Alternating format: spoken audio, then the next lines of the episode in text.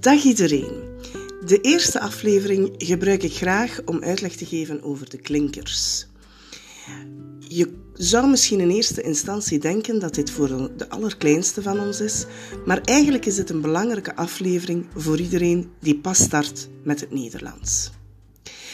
Nu eerst even over het woord klinkers. In het woord klinkers herken je het woord klinken en klank. In het Frans betekent klank un son en klinken is dan sonner. Met andere woorden, de klinkers die kan je heel goed horen. Je kan ze zelfs roepen. Probeer dit maar eens. A, E, E, O, E. Je mag dat zelf ook doen natuurlijk. Kan je de b, de, f en g even luid roepen? Nee, natuurlijk niet. Dat zijn medeklinkers. Om die klanken te maken, moeten we onze lippen sluiten. En daardoor kunnen ze nooit zo luid klinken als onze klinkers. Maar waarom maak ik nu een podcast over die klinkers?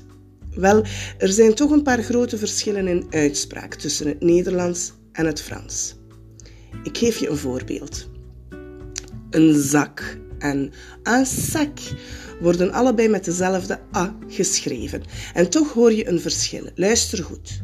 In zak hoor je de A. In zak hoor je eerder de A. Dus niet helemaal de A, maar het lijkt er wel sterk op. Nu denk je misschien, dit is toch niet zo belangrijk, maar als je binnenkort dictee krijgt, dat betekent dat jij de woorden moet opschrijven die de juf voorleest, is het wel zeer belangrijk te weten of je nu de A of de A moet schrijven. Ben je nu klaar voor de andere klinkers? Zeg ze gerust samen met mij op.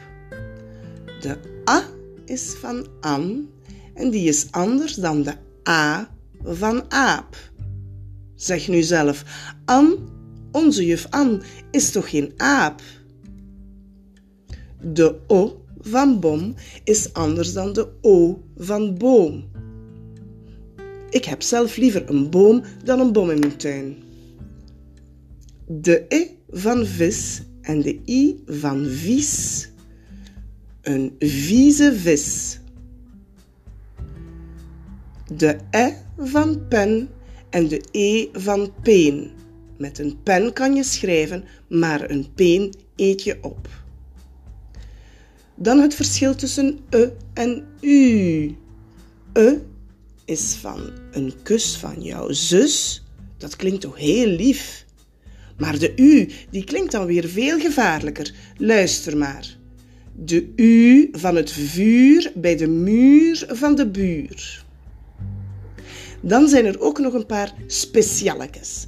Maar daarover zal ik je alles vertellen in een volgende aflevering. Doei!